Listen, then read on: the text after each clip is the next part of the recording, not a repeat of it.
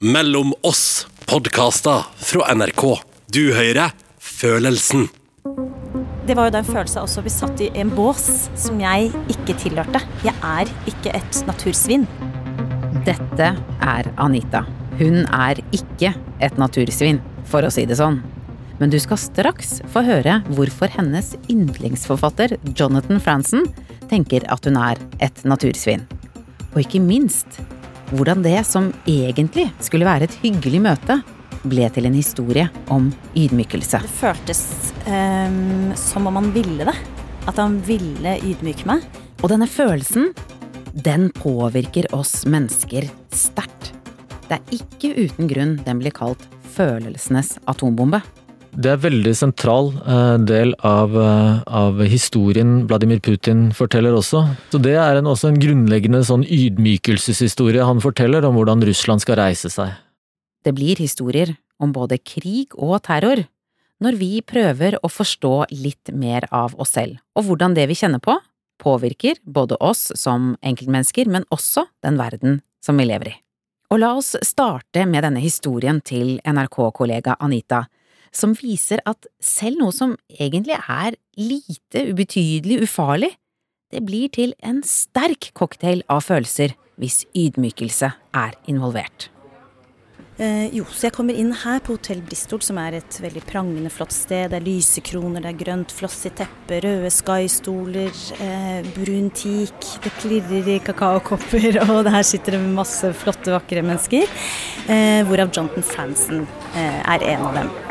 Og da kommer jeg ti minutter for tidlig, for jeg vil jo ikke blamere meg for å komme for seint. Eh, lukter sterkt av hvitløk etter en lammemiddag dagene forveien, så jeg putter i én, to tyggis eh, for å lukte friskt av mentol. Jeg skal møte min store helt. Eh, og jeg står her og ser at han kommer med store, faste skritt mot meg, og jeg tenker denne tyggisen som jeg har i munnen, må jeg bare få kvitta meg med. Så jeg eh, spytter den diskré ut i hånda.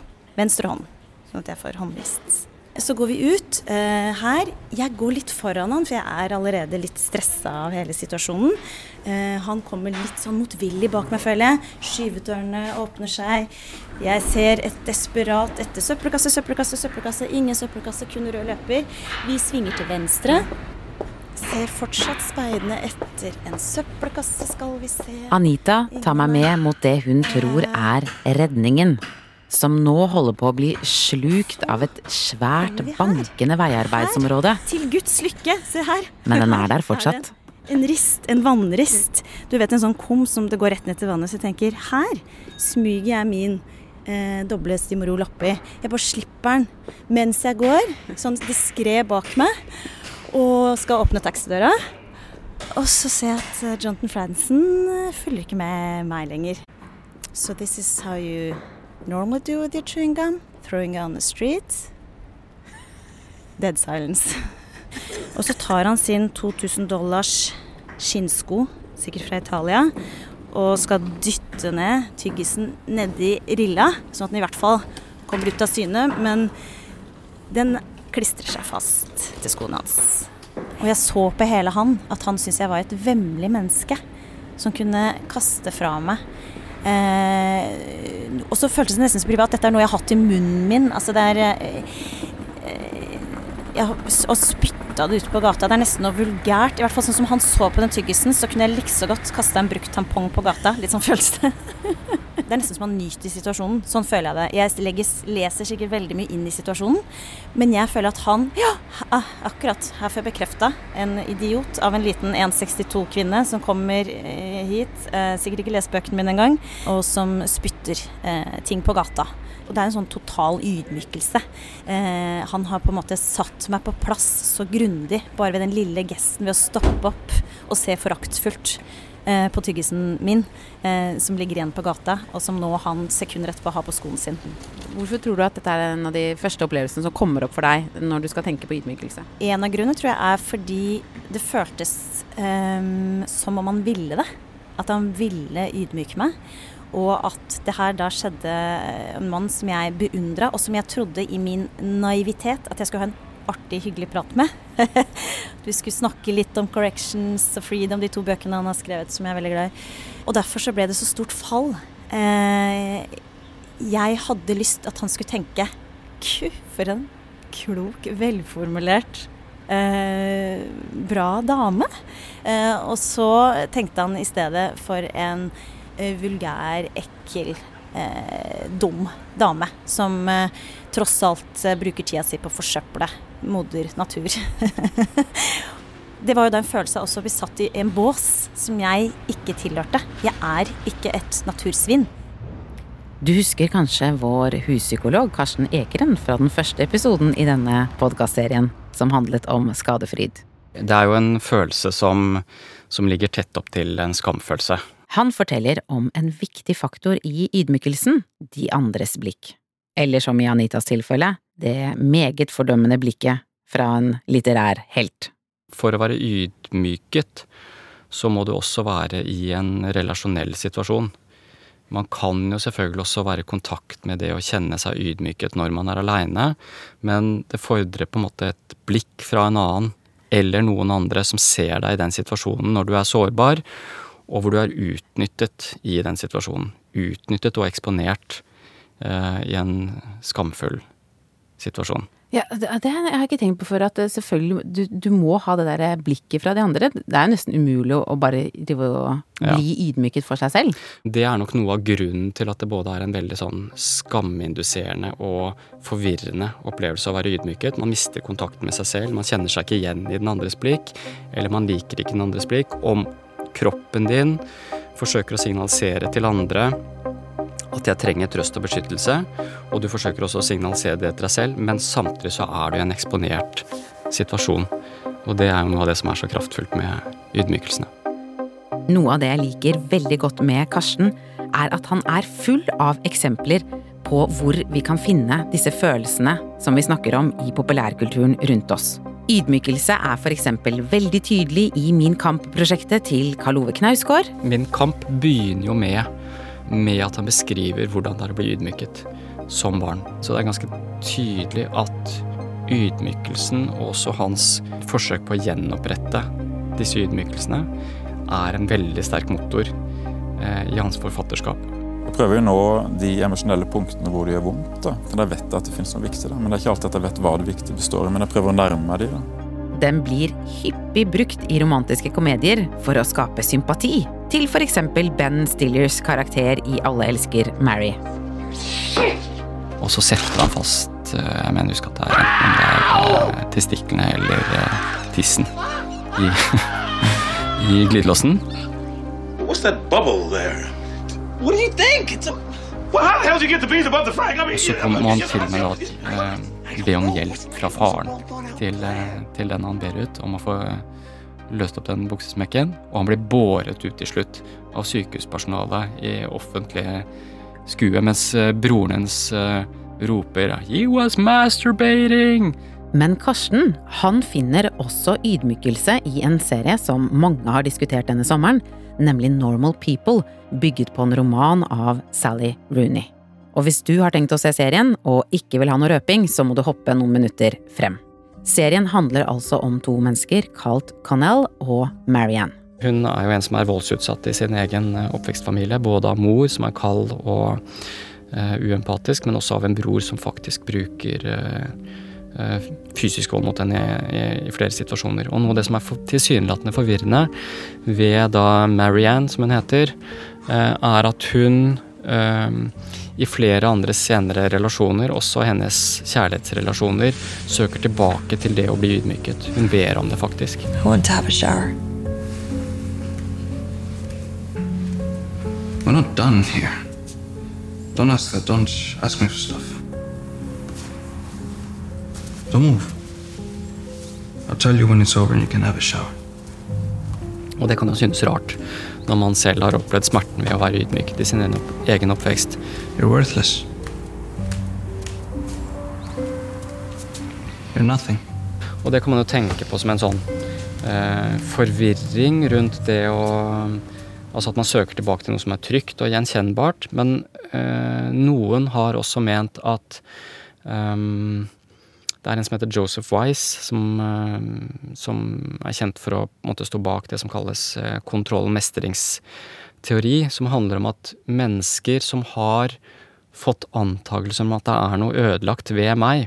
De vil teste ut det i nye relasjoner. Man tenker seg at disse situasjonene blir konstruert med håp om at man skal få en korrigerende erfaring. Men, men det er ofte veldig vanskelig for den som, den som, er motparten i den situasjonen, å se at det faktisk er det de ber om. Sånn at I hennes tilfelle så ber hun jo om Hun går inn i en del sånne eh, masochistiske Setter seg masochistiske posisjoner hvor hun i seksuelle relasjoner blir ydmyket og faktisk også utsatt for fysisk vold. Da. Og så ber hun om det samme fra Connell, som er hennes livs kjærlighet. Og han kan vi tenke oss da består den testen ved å si at han ikke ønsker å, å leve i eh, Leve ut det hun ber om. Og han sier det også veldig eksplisitt og direkte til henne.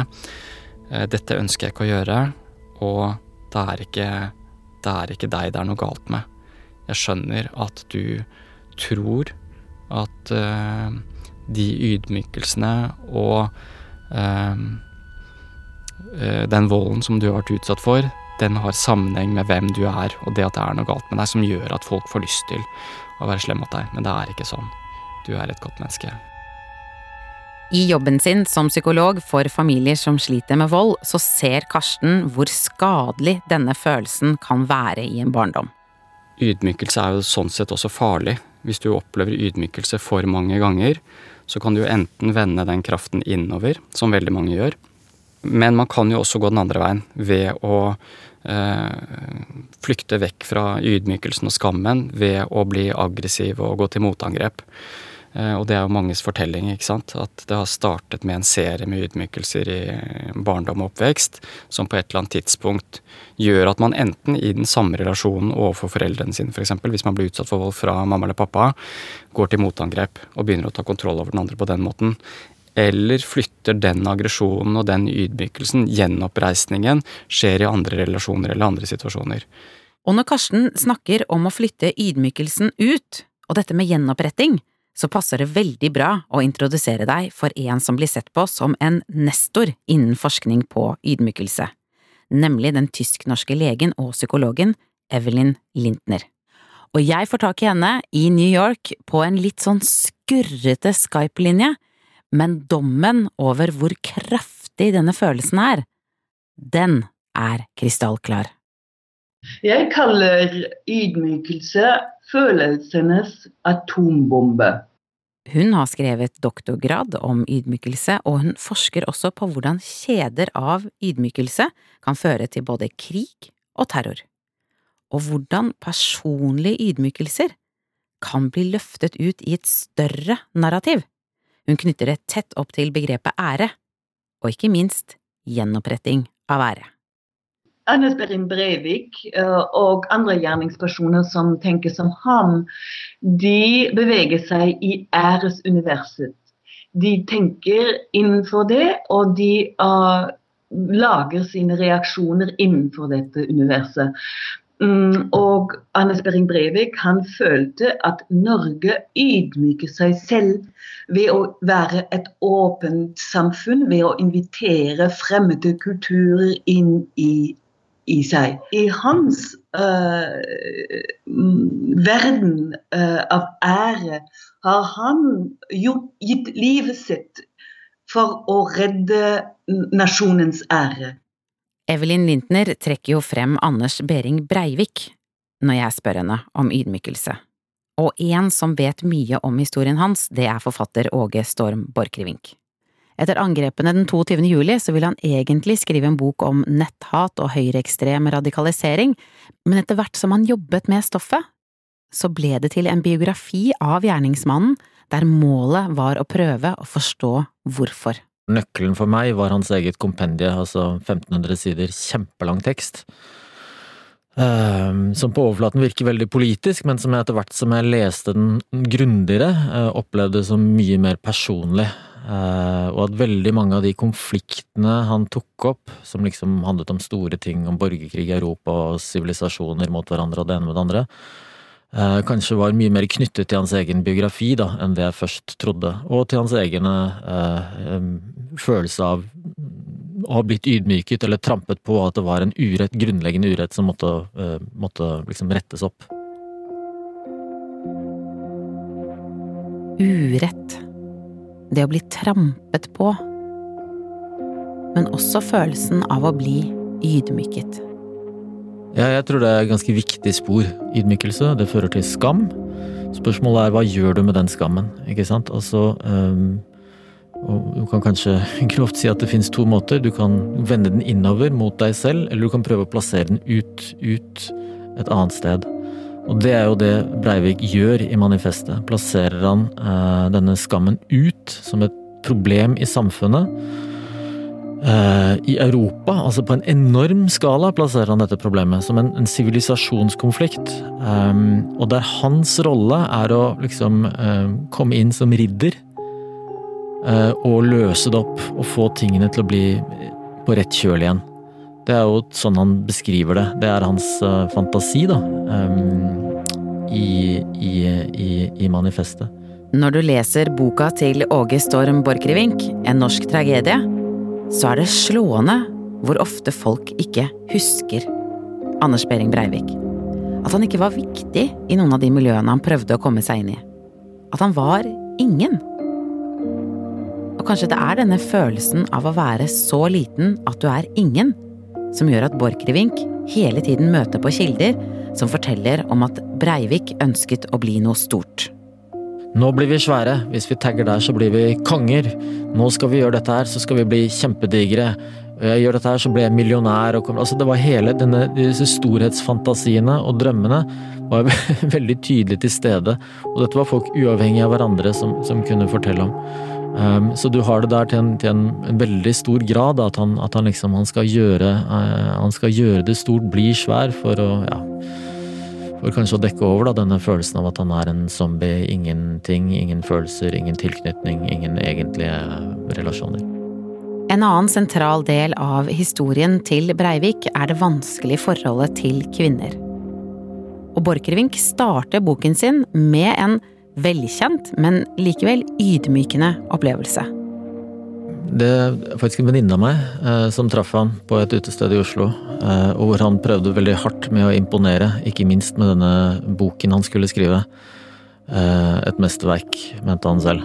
Um, og ble avvist av de jentene og reagerte med veldig veldig sinne. Og, det er jo en ting som også går igjen, egentlig. Sånn avvisning fra kvinner har en veldig sånn dramatisk effekt på ham. da. Han hadde jo et eh, opplegg når han var i midten av 20-årene, eh, hvor han traff en dame på internett fra Minsk, Hviterussland, eh, som også kom over til Norge på et tidspunkt og sånne ting. Det gikk ikke så godt.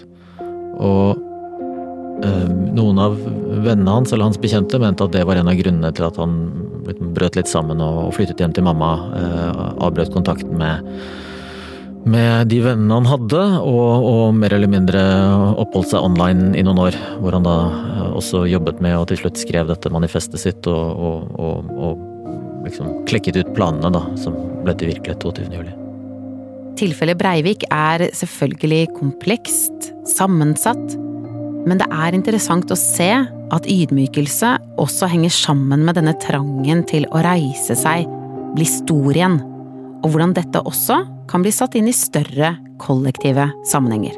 Grunnleggende sett så er jo narrativet til eh, islamske stat, for eksempel, dette her med undertrykkelsen av den muslimske verden. Altså at de er dyttet ned på knærne og har måttet eh, tåle eh, kolonisering og israelsk okkupasjon, amerikansk kolonialisme etc. Så det er, det er jo det er veldig stor grad et ydmykelsesnarrativ de forteller, da, som er på en måte innsalget deres. Så du ser jo på en måte hvor nyttig det kan være som en sånn uh, historie for, uh, ja, som kan brukes da til, til forskjellige typer uh, formål, også politiske formål. Vår nabo i øst ser også verdien av å sette denne følelsen inn i et større bilde. Det er en veldig sentral del av, av, historien Vladimir Putin forteller også. Han har jo sagt at Sovjetunionens fall var, var den største geopolitiske katastrofe eh, i det 20. århundre. Det er jo en forståelse kanskje ikke alle har, eh, men han mener det. Og i den eh, der så mener han da at det endte opp med at russerne ble totalt ydmyket, som var den dominerende førende nasjon, eller folkeslag, da, i, i Sovjetunionen. De endte opp på knærne og måtte stå i en sånn eh, tiggeraktig positur eh, og bli ydmyket av Vesten, da. Um, så det er en, også en grunnleggende sånn ydmykelseshistorie han forteller om hvordan Russland skal reise seg.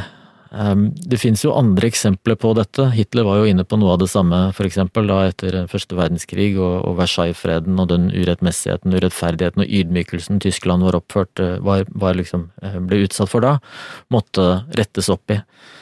Um, så det er jo veldig liksom kraftfulle historier, da. Historier om ydmykelse. Se her, det er andres skyld. Det er fiendene våre uh, som har på en måte ydmyket oss. Det er nasjonal ydmykelse som er, står bak det. Tilbake i New York så peker Evelyn Lintner også på hvordan disse følelsene kan brukes politisk. Og selv om det er store forskjeller mellom eksemplene her, så ser hun likevel en dynamikk. Breivik og mm, Putin og IS og Nazi-Tyskland er veldig gyldige eksempler for hvordan følelse av personlig ydmykelse kan bli til nasjonale ydmykelsesdynamikker. Ikke helt enkelt å håndtere for oss mennesker, denne følelsenes atombombe. Heldigvis så skal Karsten gi oss gode råd for hvordan vi kan takle den, men også gjøre oss bevisste på at du og jeg vi har noen ganger litt lyst til å trykke på den knappen der. Både så har vi muligheten til å ydmyke andre mennesker, og noen ganger har vi lyst til det. Eh, så det å være klar over at det er det jeg gjør når jeg for eksempel, banalt eksempel, eh, kjefter på barna mine mens venner av dem er til stede, som er lett å gjøre. Jeg gruer meg litt til å bli klar over at jeg noen ganger vil ydmyke de jeg er glad i, men før Karsten kjører den psykologfingeren sin inn i det såret der, så la oss høre fortellingen om mannen som faktisk har hånden på atombomben. A man you can bait with a tweet is not a man we can trust with nuclear weapons. Og da mener jeg bokstavelig talt atombomben. Jeg har en atomknapp på pulten min, sa Nord-Koreas Kim Jong-un i sin nyttårstale. Min knapp er større enn din, og den funker, svarte Donald Trump og han som skal hjelpe oss med å forstå hvordan følelsenes atombombe henger sammen med den ordentlige atombomben, og ikke minst amerikansk politikk i dag, det er denne fyren her. Ja, atombomber har jo ikke sett eller opplevd så mye, men det kommer som lyn når du minst trenger det. Og hvis du er på vei opp. Dette er Gjermund Stenberg Eriksen. Han kjenner altså heller på ydmykelse som små stikk som kommer innimellom og plager ham, mer enn en atombombe. Men når han ikke gjør det, så prater han om amerikansk politikk i NRK-podkasten Trump mot verden. Eller skriver manus til TV-serier som Emmy-vinneren Mammon. Han mener ydmykelse ofte blir brukt når manusforfattere skriver filmmanus. I serier og film så er det jo en ekstremt vanlig ting å bruke når du lager en fortelling. Den store ydmykelses jeg tenkte på når du sa, fortalte meg om dette, er jo House of Cards. Der har du en fyr, Frank Underwood, som egentlig starter som en god person. Da har han sørga for at en fyr har vunnet valget, eh, en eh, president. Og han er tredje i øverste representantens hus. Han er lovt at han skal bli utenriksminister. Og så blir han kalt inn til møte, og så sier han ja, du, sorry, altså. Det, det kan ikke helt skje.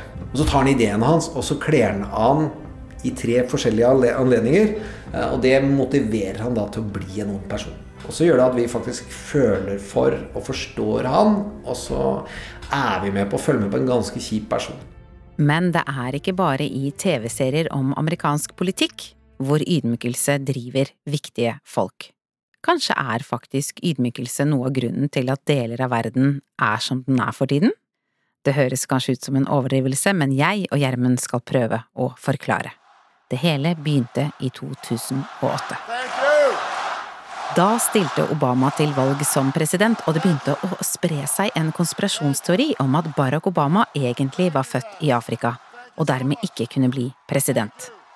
Etter at han ble valgt, døde det hele litt ut, men det var én mann som fortsatte å mase om dette hele tiden, nemlig Donald Trump.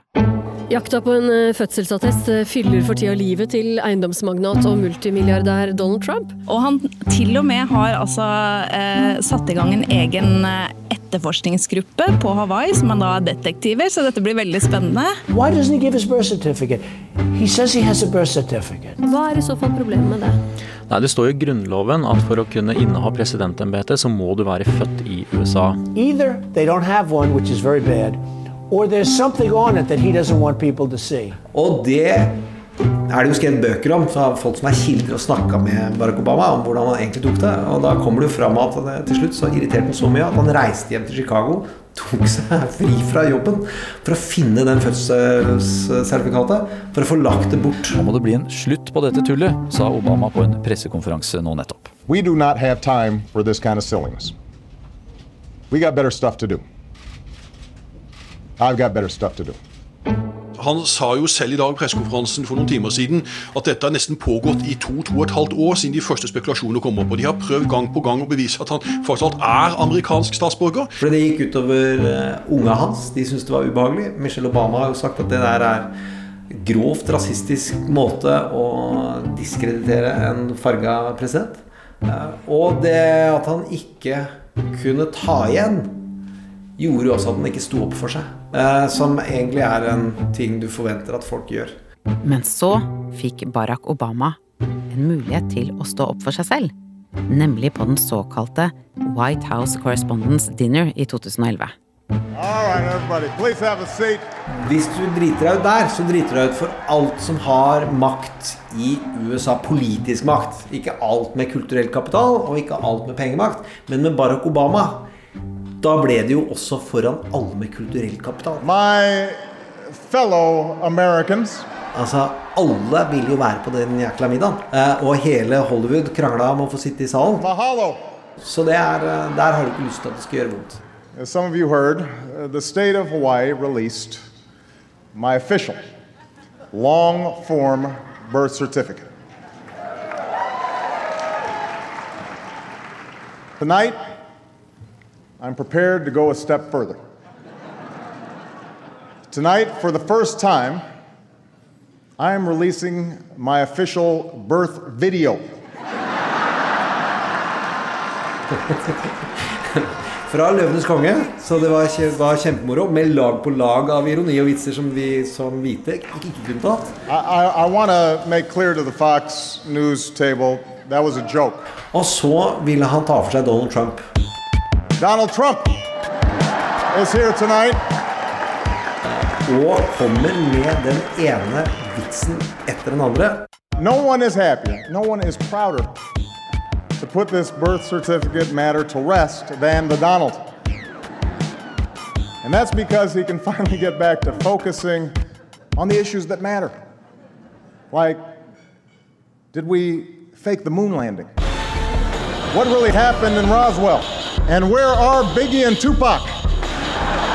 Om hvordan han er, Donald Trump driver med helt uviktige ting og er en reality-stjerne. All kidding aside, obviously we all know about your credentials and breadth of experience. No, seriously, just recently in an episode of Celebrity Apprentice at the steakhouse, the men's cooking team uh, did not impress the judges from Omaha Steaks. Nå er det ikke første gangen Donald Trump er blitt gjort narr av, men akkurat denne gangen svei det langt mer enn andre. Jimmy Fallon fikk lov å gni inn i håret og sånn. Da er han forberedt, han veit hva han skal gjøre. Men her ser du at det koker. Uh, og det skal jo kilder rundt Donald uh, fortelle. Har fortalt altså at det var uh, veldig vondt. And these are the kind of decisions that would keep me up at night. Så mens Barack Obama står oppe på scenen og blir hyllet av den politiske og kulturelle eliten i USA, blir Donald Trump bare rødere i ansiktet og mer og mer ydmyket. Well handled, og mange mener at det var her, well denne ydmykende kvelden, Donald Trump virkelig bestemte seg for å stille til valg som president. Det er vel en myte som har reist veldig godt, at det er øyeblikket da Donald Trump bestemte seg for at jeg skal hevne meg på deg. Men han hadde jo allerede dratt i gang politiske ambisjoner egentlig tilbake til 2000, altså, hvor han vurderte å stille med hjelp av Roger Stone allerede da. Men i, uh, hans måte å plage Barack Obama på var for å skaffe seg en politisk plattform. Altså gjøre seg relevant og bli en Fox-kommentator. Men om det ikke var Obamas ydmykelse av Trump den kvelden som førte til at han stilte til valg, så er han i hvert fall blitt veldig opptatt av å ødelegge det meste Obama gjorde som president. Ja, et av de største prosjektene hans er å hevne seg på Barack Obama. I listened to President Obama speak today. Eh, hvis man ser på hva han praktisk gjør som politisk leder og som ideolog, som leder av partiet sitt, eh, så er de to første egentlig bare å skaffe seg selv oppmerksomhet og penger. Og det tredje viktigste er å avvikle Barack Obamas politikk. Crowd, og der har han gått veldig grundig til verks. Og det vil det republikanske partiet også, i stor grad. Altså. Men ikke med den detaljorienteringa og det ekstreme minnet for å gjøre dette fra, for person til person. Uh, som uh, Donald Trump har. A terrible healthcare plan that we are decimating strike by strike. Der husker jeg godt. It runs the gamut from withdrawing from the Paris Climate Accords to banning transgender members of the military to removing a bike uh, sharing station from the White House. Washington Post skriver at i starten av året så hadde Trump omgjort i alt 130 lover og regler som Obama hadde fått gjennom. Innen utdanning, helse, miljø, innvandring, arbeidsrettigheter og andre felt. Du husker ordentlig godt dette. Selv i Bokersen, når det var raseopptøyer, og han gikk ned der, så begynte han å klage over at der har ikke Barack Obama tørka støv. Når, det, når, du blir kjørt i bunkersen din fordi at du har eh, raseopptøyer på utsida, og du er første som faller deg inn at her burde min fargede forgjenger vært og tørka støv, og du sier det høyt, da har du vært ydmyket. Da har du vært ydmyket, og det har nok du som hører på også. Og jeg. Og den er tydeligvis vanskelig å takle, uansett om du er president eller kvinne i gata med en tyggis i hånda. Så hva skal vi gjøre når vi møter på denne bomben av en følelse? Karstens første råd er en klassiker hos psykologen. Snakk om det. For det å late som at man ikke har vært ydmyket, tror jeg også er veldig farlig. Eh, fordi da går på en måte ydmykelsen under jorda, og så ligger den der og murrer, og, man sitter igjen med en opplevelse av at for meg er det veldig farlig eh, å bli ydmyket. Og det er til og med så farlig at jeg ikke kan dele med andre. For det å føle seg liten og føle seg redd, det er ikke noe jeg kan vise overfor andre mennesker. Så man må jo da velge noen mennesker man stoler på, er trygg på eventuelt, og kunne dele det med dem. At sånn kjentes det ut for meg der og da. Og så kan den følelsen være mer til å holde ut bare av å få delt det i seg selv, eller det kan, eller det kan gi noen sånne konkrete eh, resultater i form av at andre får vite det, og hjelper dem å reparere det, ber om unnskyldning for eksempel, eller du er mer klar over dette er det som skjer med meg når jeg står i en ydmykende eh, situasjon. Jeg vet mer hva jeg må forsøke å gjøre da. Enten be om hjelp til å mobilisere og kunne si ifra der og da, eller selv få kraft til å sette grenser for hva man syns er ok. Snakk om det, bli kjent med hvordan du reagerer, men så kommer et siste triks, og det er ikke lett, altså. Ikke med meg lenger. So this is how you normally do with your chewing gum? Throwing it on the street? Dead silence. Eh, men da må vi ha fått nok avstand til det. Hvis vi selv har vært ydmyket, f.eks. Så er jo det å å le av den situasjonen hvor man følte seg så dum, det er noe sånn lettende og frigjørende ved. Men. Det er jo mye bedre at du får sympatien, og ikke en hoven amerikansk forfatter med en ganske så velfortjent tyggis på den italienske skinnskoen sin. Det å fortelle og ta eierskap over den fortellingen, det er lurt. Og man får også kontroll over situasjonen ved å tenke at eh, der og da var det ydmykende, men jeg er jo en annen person. ikke sant? Jeg er i stand til med til å se hvorfor jeg gjorde sånn som jeg gjorde i den situasjonen, og jeg får nå formidlet sannheten om hva som var grunnen til at jeg gjorde som jeg gjorde der og da, og dermed så får jeg styrt på en måte eh, andres oppmerksomhet når jeg deler det. Men så var det dette med å snu speilet og tanken på at jeg er den som ydmyker. Og det er like ubehagelig for meg som for Karsten. Jeg kan, jeg kan jo bruke meg selv som eksempel, da. som, eh, som ikke bare som psykolog, men også som pappa. Og, og ektefelle. Og mm, for min egen del så tenker jeg at jeg er eh, eh, ganske konfliktsky. Sånn at jeg har lagt merke til at de gangene jeg opplever meg eh, ydmyket eller irettesatt eller kjeftet på av kona mi, da, for eksempel, så jeg har gjort et eller annet, så har jeg lagt merke til at jeg der og da kanskje kan ja, ja, bli litt sånn underdanig. Ja, ja, ja, ok, greit, ja, unnskyld, da. skal ikke gjøre det mer. Da.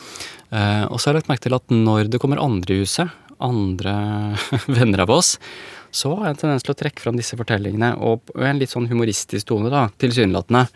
Begynne å snakke om ja, du er jo sånn som aldri gjør noe feil, og sier det eh, overfor mens andre er til stede. Kanskje som en beskyttelse av at nå kan jeg ta opp den konflikten under tilsynelatende trygge omstendigheter.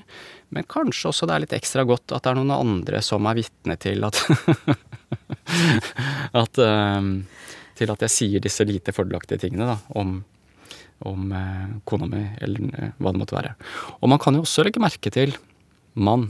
eh, Jeg kan også legge merke til at noen ganger så blir man så sint på barna sine at man ikke tar den praten om hva man er sint om, aleine og i en rolig tone, men at man tar det ut mens andre hører på. Og det er veldig kraftfullt da å gjøre det når andre er til stede, fordi du vet dypest sett at dette er noe som gjør at de lettere bøyer av. Og det er ubehagelig, men, men sånn er det.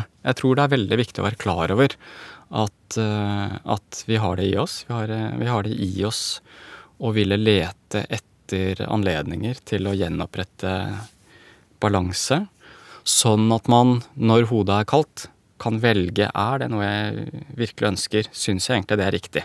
For hvis man virkelig tar inn over seg den skammen og den øh, sorgen da, som det innebærer å bli offentlig ydmyket, eller ydmyket med andre til stede, så er det vanskeligere å gjøre det.